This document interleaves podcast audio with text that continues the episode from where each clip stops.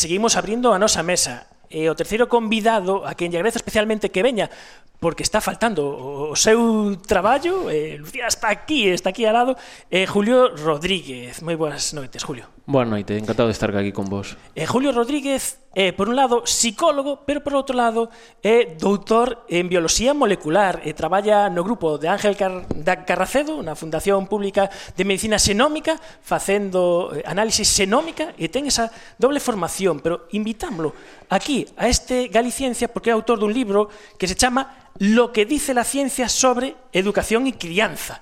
E aquí, ahora que temos eh, varios pais, pues podemos compartir cousas e ver que o que di a ciencia sobre educación e crianza. Pero además dase a circunstancia de que ti tamén traballaches en Tecnópole. Pois sí, mira, xa, xa vexo que, que faz boa investigación tamén. Sí, estiven aquí un ano traballando eh, no CITI, que está aí arriba, que é un instituto de, de investigación eh, desa facendo microbioloxía. Foi así como de rebote porque como sabedes a ciencia en España pois é moi complicada e entre que me iba ao estranxeiro a facer a miña etapa postdoctoral e acabei a miña tese en Santiago e que me iba e non me iba e estaba aí pois sen facer nada, pois eh, atopei un, un traballo aquí en nun laboratorio aquí de enxeñería química en Ourense facendo microbioloxía. Buscaban a un microbiólogo, non tiñan, porque eles eran químicos casi todos, e estiven aquí un ano facendo. O sea, se que das a todo, microbioloxía, psicoloxía, bueno. eh, xenética e crianza de nenos, pero máis complicado a crianza de nenos. Non vos eh, entre eh, dúbida.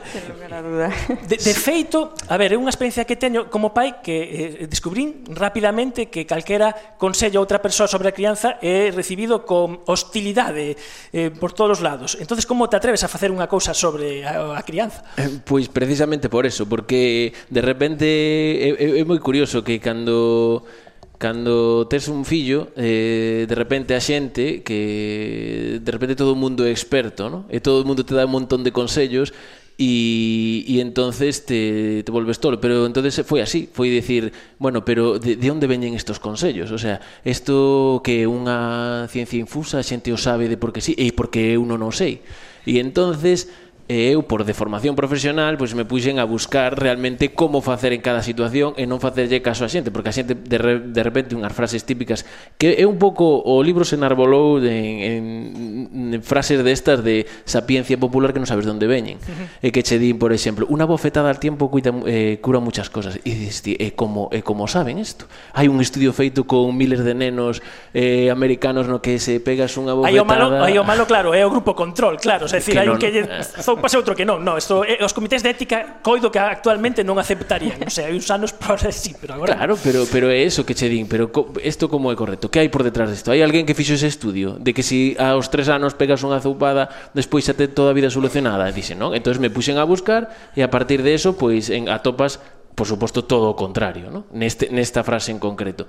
E é como como atopas toda esta información que está toda está toda feita, hai moitos estudios científicos feitos en educación, o que pasa é que Eh, como digo eu, o, o coñecemento científico é, está caí cautivo, pasa dun científico a outro, dun congreso a outro, pero non non pasa a sociedade e entonces é aí cando entra a divulgación e por eso me, me lancei a escribir o libro para axudar os demais, para axudarme a min e para axudar os demais uh -huh.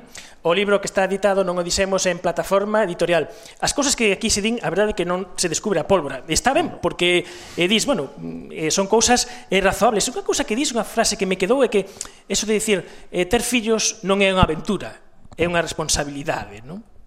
Eh, que é unha responsabilidade moi grande. É, eh, é unha cousa que tamén eh, me dixeron, os editores de, prim, de primeiras me dixeron, bueno, hai algunhas frases que son así moi contundentes, pero bueno, vamos a probar a ver que tal. E é así. É dicir, ti tes que asumir que, que non é unha aventura, que non é un xogo, vamos, que é unha responsabilidade, e que ese, ese, eh, a túa responsabilidade facelo ben, e a túa responsabilidade eh, que o neno sexa o máis feliz que ti, que, ti, que, que lle poidas dar e que o cuides o, o mellor posible. entonces esta xente que, que de repente di, bueno, pois pues, mm, vou ter un fillo porque sí, e depois quero seguir a miña vida facendo igual, mm, non vai ser así. Tes que asumir que un neno non pode estar na calle dos vinos a, dándolle o biberón ás 12 da noite, non? Pois te tes que fastidiar durante a temporada e non poderás sair porque é o mellor para el. E vai, vai un pouco por aí. Uh -huh. Eh, e, eh, e falas do método cognitivo emocional. Que significa isto?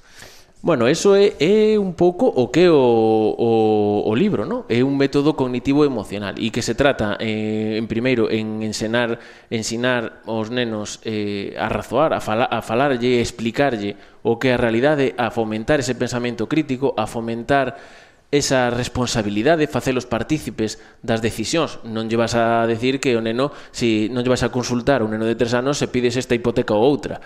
Pero sí que lle podes decir cando vas no coche que canción te gusta escuchar ou algo así, para que el vaya sentido esa responsabilidade. E falarlle como a un adulto, explicarlle, bueno, pues, o sol se pon por aí cando che din, porque isto me pasou a min. O sea, por exemplo, eh, e, eh, para onde vai o sol? Cando se vai, podes dicir, bueno, pois o sol se lle acaban as pilas e despois volve a recargalas. Podes dicir eso ou podes intentar explicar ao neno que é o que pasa realmente, por que é a realidade. Eso que pasa, que costa moito máis. Pero hai que explicar, igual que mmm, non me quero bañar, bueno, pois pues tes que bañarte porque por hai unha higiene, hai unhas infeccións, entón tes que facer, o sea, explicar, eso é racional e o, me, o método con, eh, cognitivo, perdón. E a parte emocional é tamén relacionado coas típicas frases que se din antes de os nenos non choran, ou tienes que ser fuerte, e non sei que, e, e, e é o contrario. O sea, os nenos, primeiro, hai que darlle eh, todo o, a seguridade emocional que ti poidas, e despois hai que ensinarlles a, a expresar as emocións e porque desta maneira é moito mellor para eles. Entón, esa, ese compendio de cousas é o racional, o cognitivo e o emocional. Desde el primer momento en que abrió los ojos, yo estaba ahí. ¡Soy alegría! Riley. Eres la viva imagen de la alegría. Fue increíble. Bueno, durante 33 segundos. Soy tristeza. Oh, hola. ¿Podría a ver si arreglo esto? La central se fue llenando a partir de ahí. Estoy detectando un olor peligroso. Este es asco. Básicamente impide que Riley se envenene. ¡Es brócoli! ¡Braga! ¿Quieres probar de esto, papi? Este es ira. ¡Curva cerrada, no! Este es miedo. Se le da muy bien mantener a Riley a salvo. ¡Eh, ¡Ah!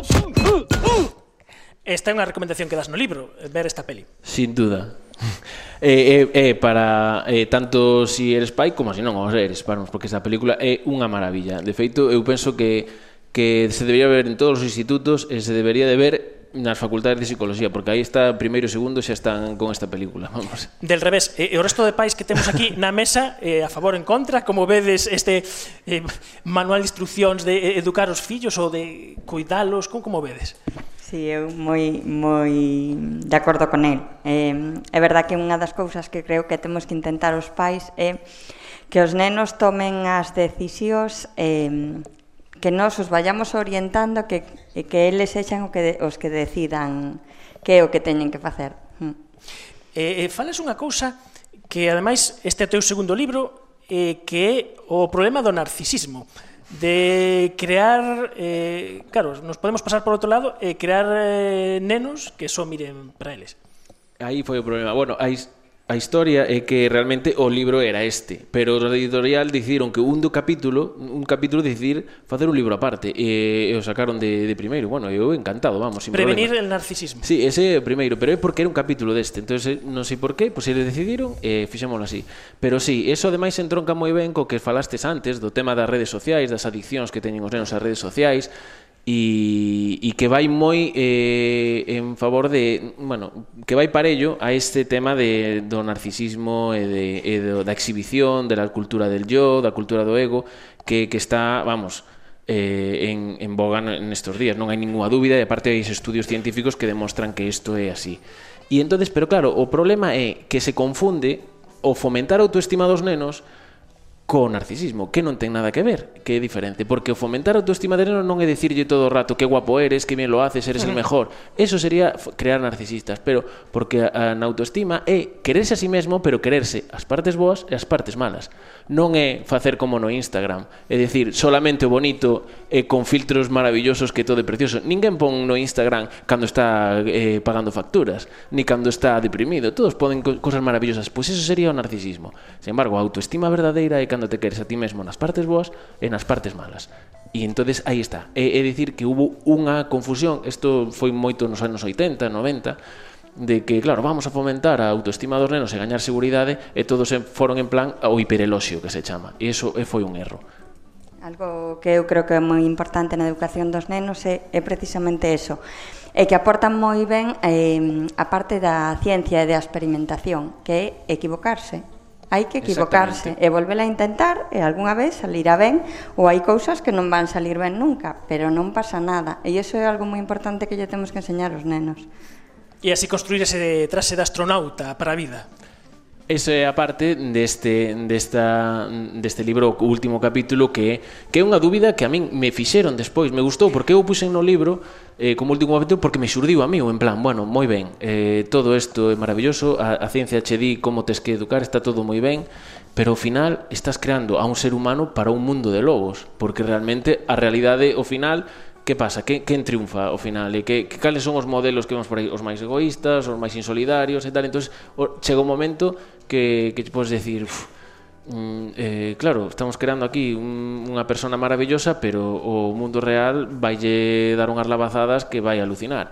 E isto, as preguntas eh, mas fixeron, eh, me gustou porque me fixeron na, na algunha presentación do libro, me dixeron, ostra, pero claro, eu estou educando así, pero despois se vai levar unhos paus, e é unha realidade, pero é que hai que darlle a volta, porque se ti o que fomentas é a seguridade, eh, creas esa autoestima forte real dos nenos, que eso, como dixemos antes, as partes boas as partes malas, estarás dándolle eh, un, un, un eso, como creando como un colchón, como un, un, un traxe de, de, de plástico de burbullas eh, que, que, o, que o protexerá contra os golpes que lle dá a vida. Se, se fomenta esa seguridade son os cimientos para que logo poda construir a Catedral da Felicidade. Pois con esa mensaxe eh, nos quedamos. Eh, moitas grazas aos tres. Moitas grazas a vos.